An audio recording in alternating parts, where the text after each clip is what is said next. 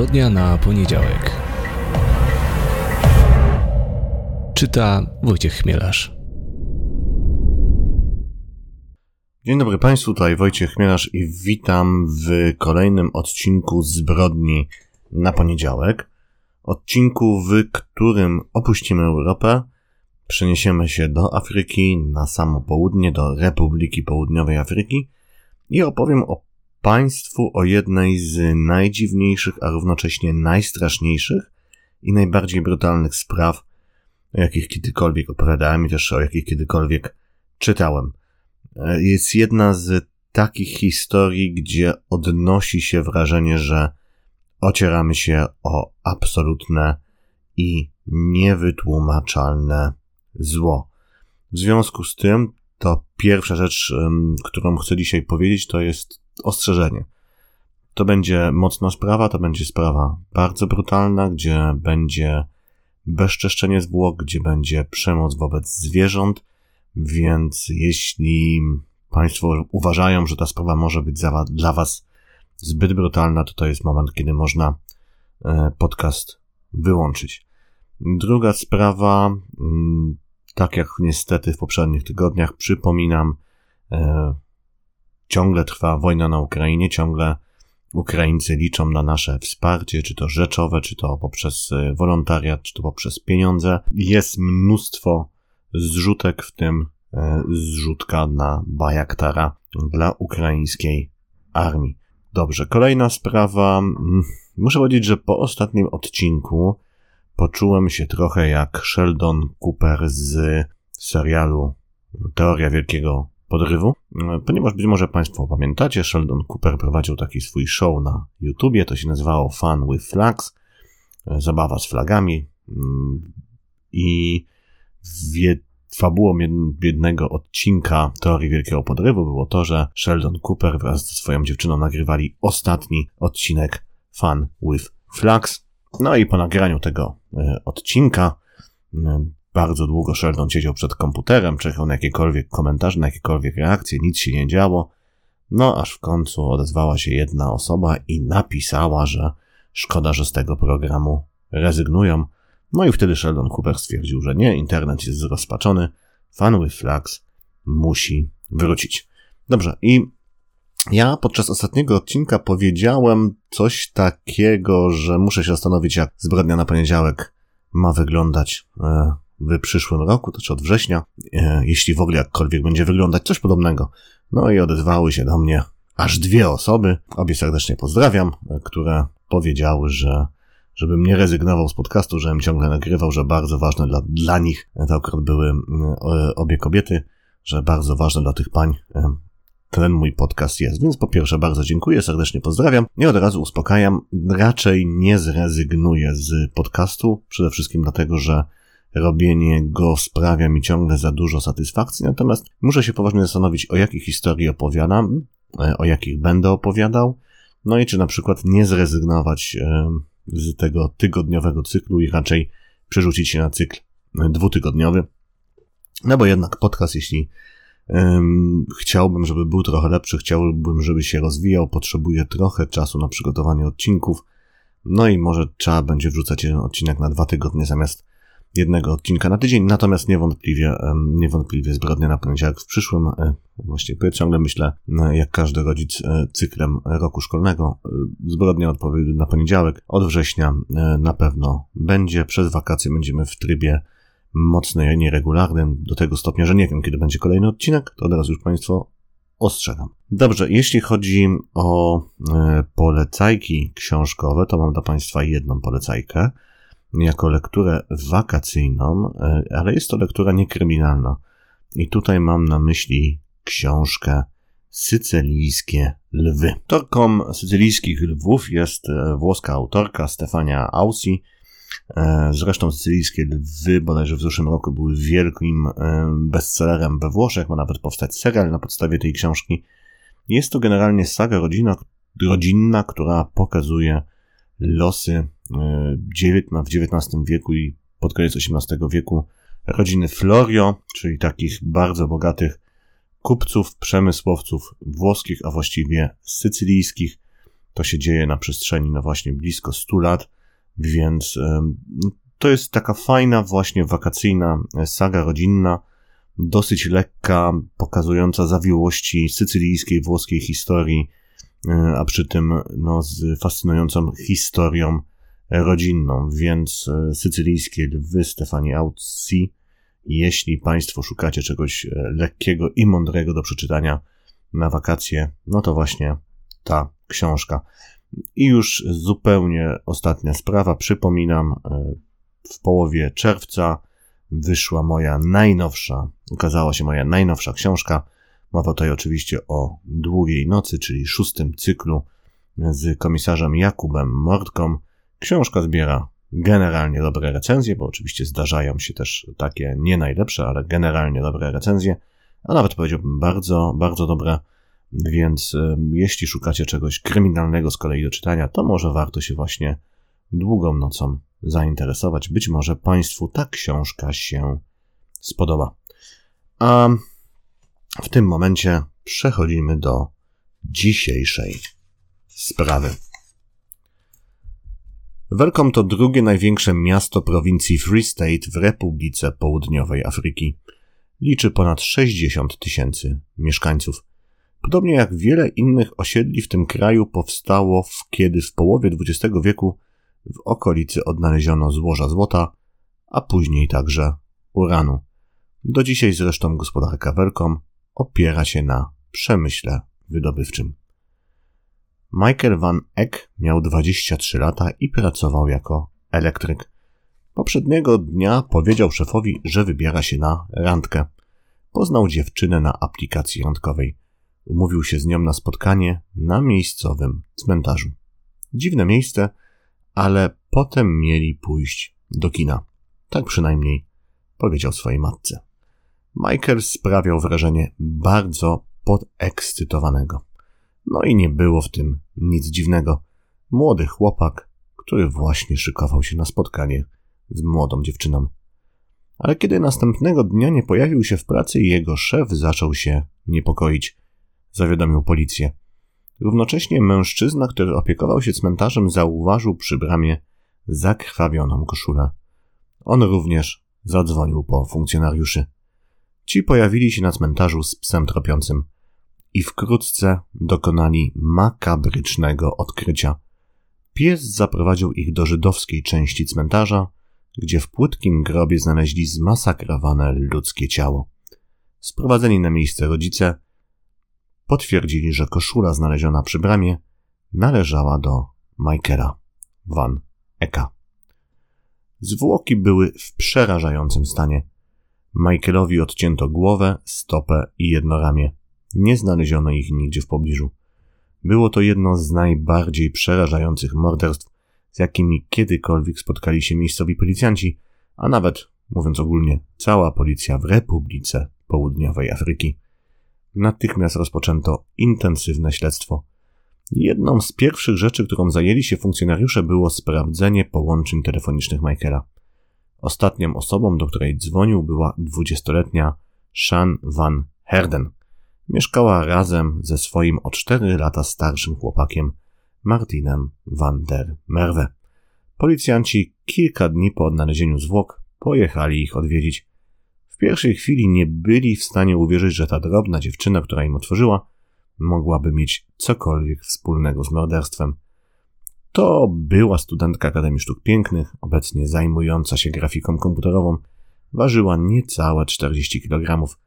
Dobrze wychowana, spokojna, z czarnymi włosami sięgającymi ramion, oblanej twarzy. Jednak kiedy policjanci zaczęli zadawać pytania o Michaela, Dziewczyna niemal od razu przyznała się do zamordowania chłopaka. Funkcjonariusze przeszukali dom. W lodówce znaleźli głowę Van Eka. Shan Van Herden wycięła mu twarz i oczy, a także obcięła uszy, które potem znaleziono w butelce z wodą. Nauczyła się tego podczas wypraw łowieckich z ojczymem. Prawe ramię chłopaka znajdowało się w szafce. Stopa była zakopana w ogródku. Znaleziono tam także szkielety kilku kotów. Shana Van Herden była niespokojnym dzieckiem. Matka opowiadała jej, że w nocy jej lalki ożywają. Nie do końca wiadomo, jakie były intencje, co chciała za pomocą takiego stwierdzenia osiągnąć kobieta. Czy uspokoić córkę, przekonując, że lalki czuwają nad nią podczas snu? Czy może raczej przekonać, że powinna być grzeczna, bo cały czas ktoś na nią patrzy? W rezultacie Czana najpierw związała wszystkim lalkom przepaski na oczach, potem je związała za pomocą sznurówek. Wiadomo też, że dziewczyna bardzo mocno przeżyła rozwód swoich rodziców. Z kolei Martin van den Merwe już jako czternastolatek został zdiagnozowany jako schizofrenik. Chodził na terapię. Jednak jakiś czas przed zabójstwem przestał brać leki.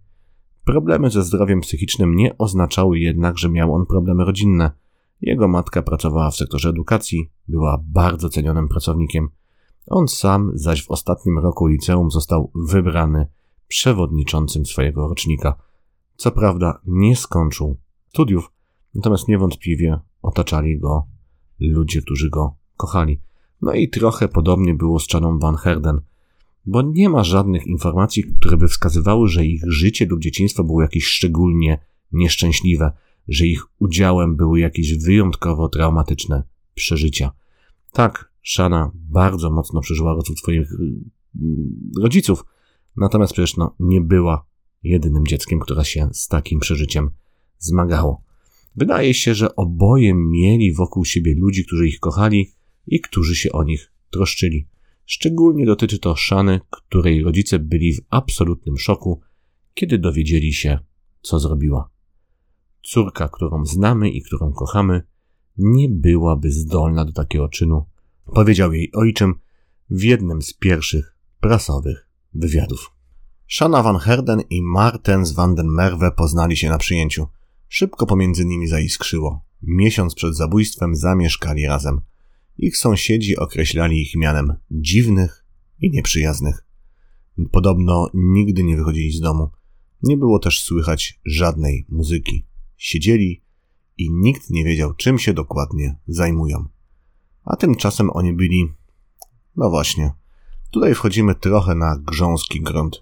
W kontekście tej sprawy bardzo dużo się mówiło o fascynacji okultyzmem, a nawet satanizmem tej pary.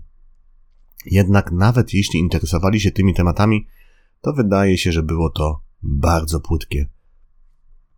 I raczej służyło im jako pretekst do przemocy, a nie, że zainteresowanie okultyzmem czy nawet satanizmem no, zmusiło ich niejako do dokonania aktów przemocy. Oboje uważali, że mają pragnienia i fantazje, których reszta świata nie rozumie, które reszta świata uważa za dziwne i niestosowne. Każde ich działanie miało na celu z jednej strony podkreślenie ich odrębności w stosunku do innych ludzi, a z drugiej wzmocnienie więzi między sobą. Zaczęli od znęcania się nad kotami. Zabijali je, a potem obdzierali ze skóry. Jednego z kotów nawet ukrzyżowali. Nosili obrączki, które wcześniej zanurzyli we swojej krwi. Dlaczego we krwi? zapytał podczas procesu prokurator Johann de Nyschen. Nie wiem, to miało pokazywać, że jesteśmy razem, odpowiedział Van der Merwe.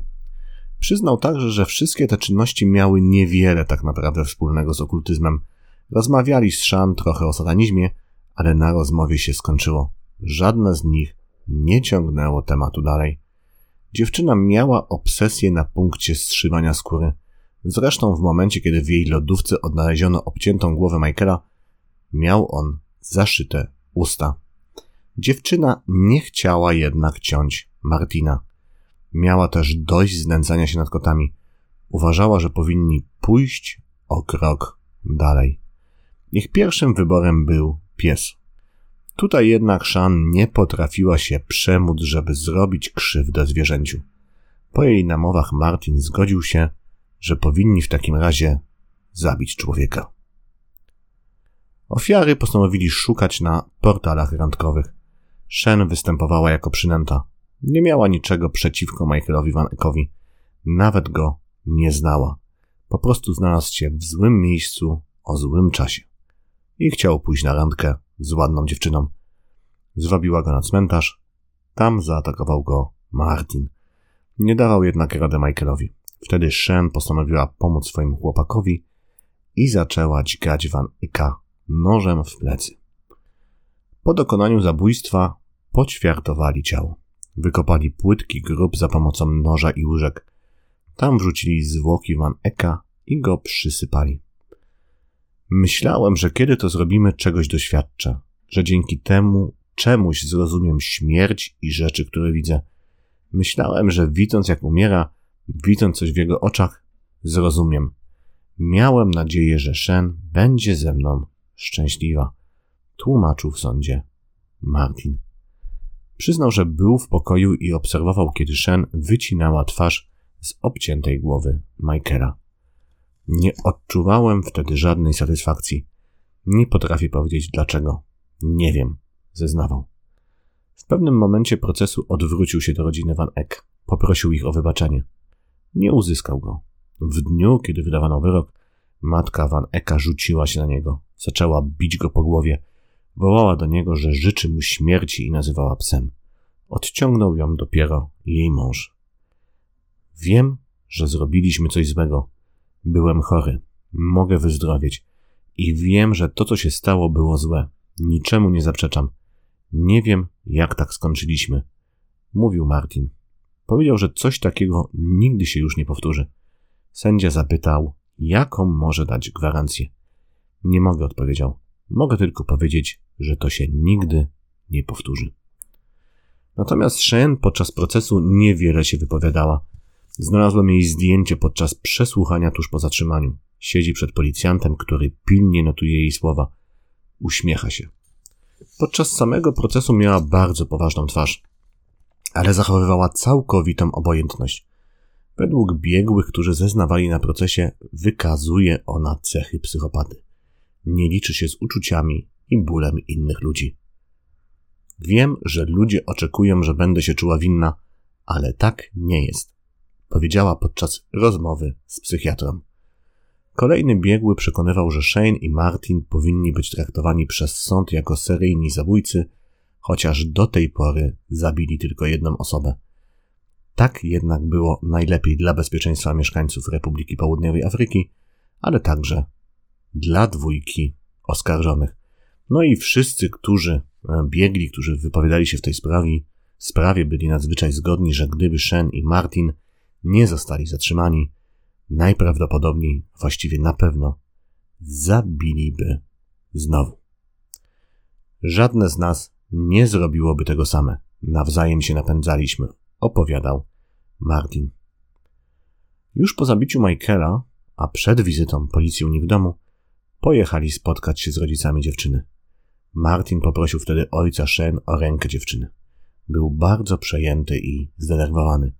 Ojciec dziewczyny się zgodził. Znał Martina, uważał, że jest porządnym, dobrze wychowanym mężczyzną. Doceniał także to, że Shane jest przy nim szczęśliwa. Było widać, jak bardzo są w sobie zakochani. Nigdy nie widziałem, żeby tyle się śmiała.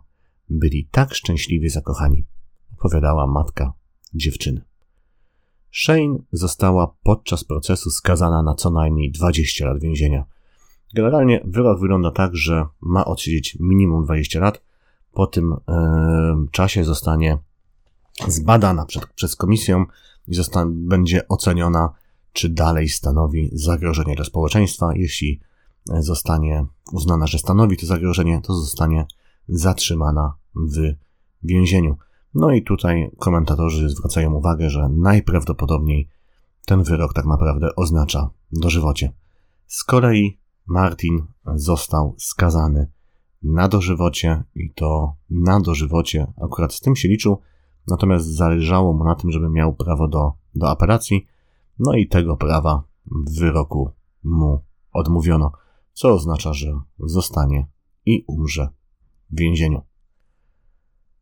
Podczas procesu Shane, bo to też jest ciekawe, oni oboje byli sądzeni osobno.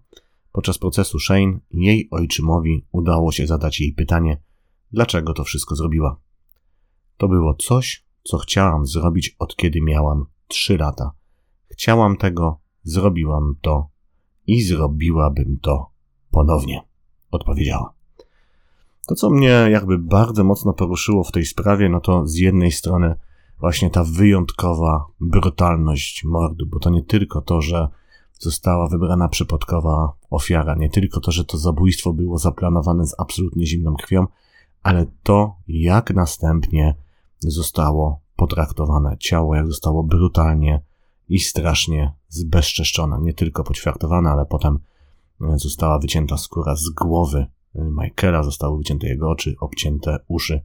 Mówiłem to w innych, w innych odcinkach, powtórzę, zabicie człowieka, wbrew temu, co nam się wydaje, jest wyjątkowo trudne, e, wymaga specyficznej konstrukcji psychicznej albo specyficznych bardzo okoliczności i tak brutalne morderstwo, a potem tak brutalne, albo zwłoki, i to jak traktujemy zwłoki w naszym społeczeństwie, we wszystkich społeczeństwach, bardzo dużo o nas mówi.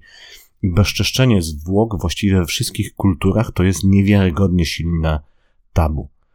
I Shane to tabu złamała, Shane z Martinem to tabu złamali po prostu y, z niesamowitą bezwzględnością i dlatego mówiłem na samym początku, także ta sprawa, jak się o niej czytało, jak ja o niej czytałem, czułem te ciarki przechodzące po plecach i czułem, że spotykam się z czymś, ze złem e, i z dwójką ludzi, których zachowania po prostu nie jestem w żaden sposób zrozumieć.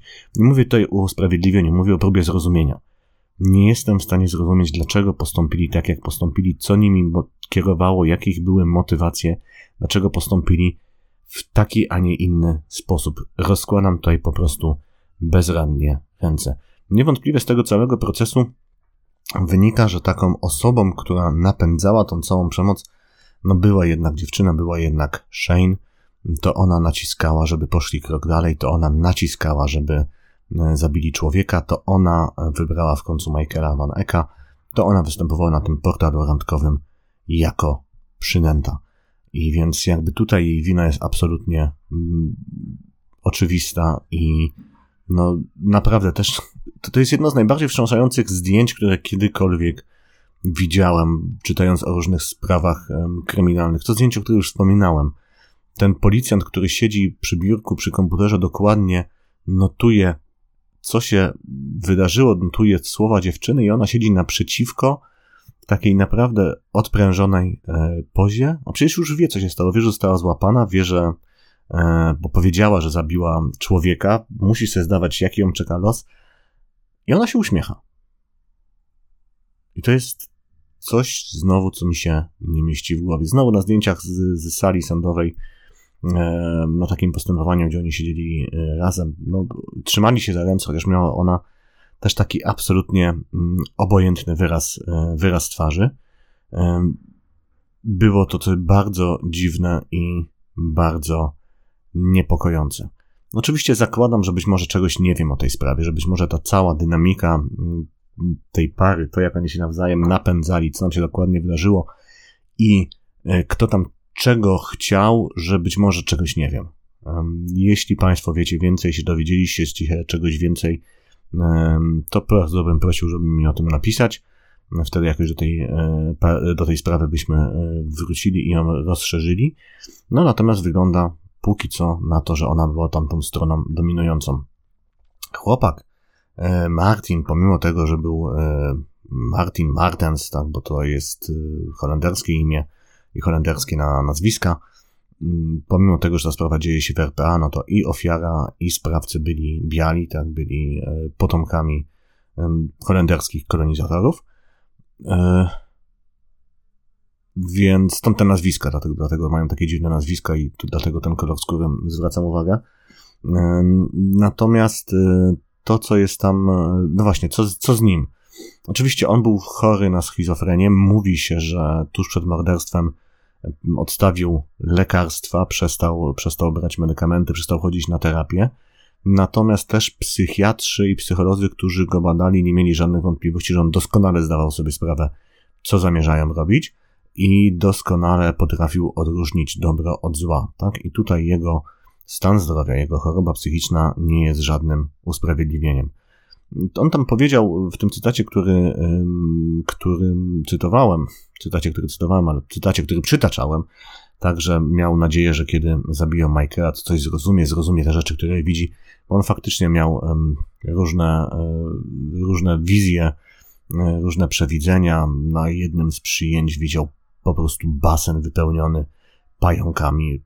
To, to miał taką przerażającą wizję przed oczyma. Natomiast raz jeszcze powtórzę, doskonale wiedział, co zamierzają zrobić, e, rozróżniał dobro od zła i zdawał sobie sprawę, że to, co, to, co zamierzają zrobić, to jest złe i że zamierzają zabić człowieka. Stąd taki, a nie inny wyrok. No i mm, raz jeszcze mm, coś, co jest istotne, to to, że no to jednak były osoby z dobrych domów, które były otoczone przez kochających ich ludzi. Tak, oboje z nich mieli jakieś swoje mniejsze lub większe problemy, no ale wszyscy jakieś problemy mamy.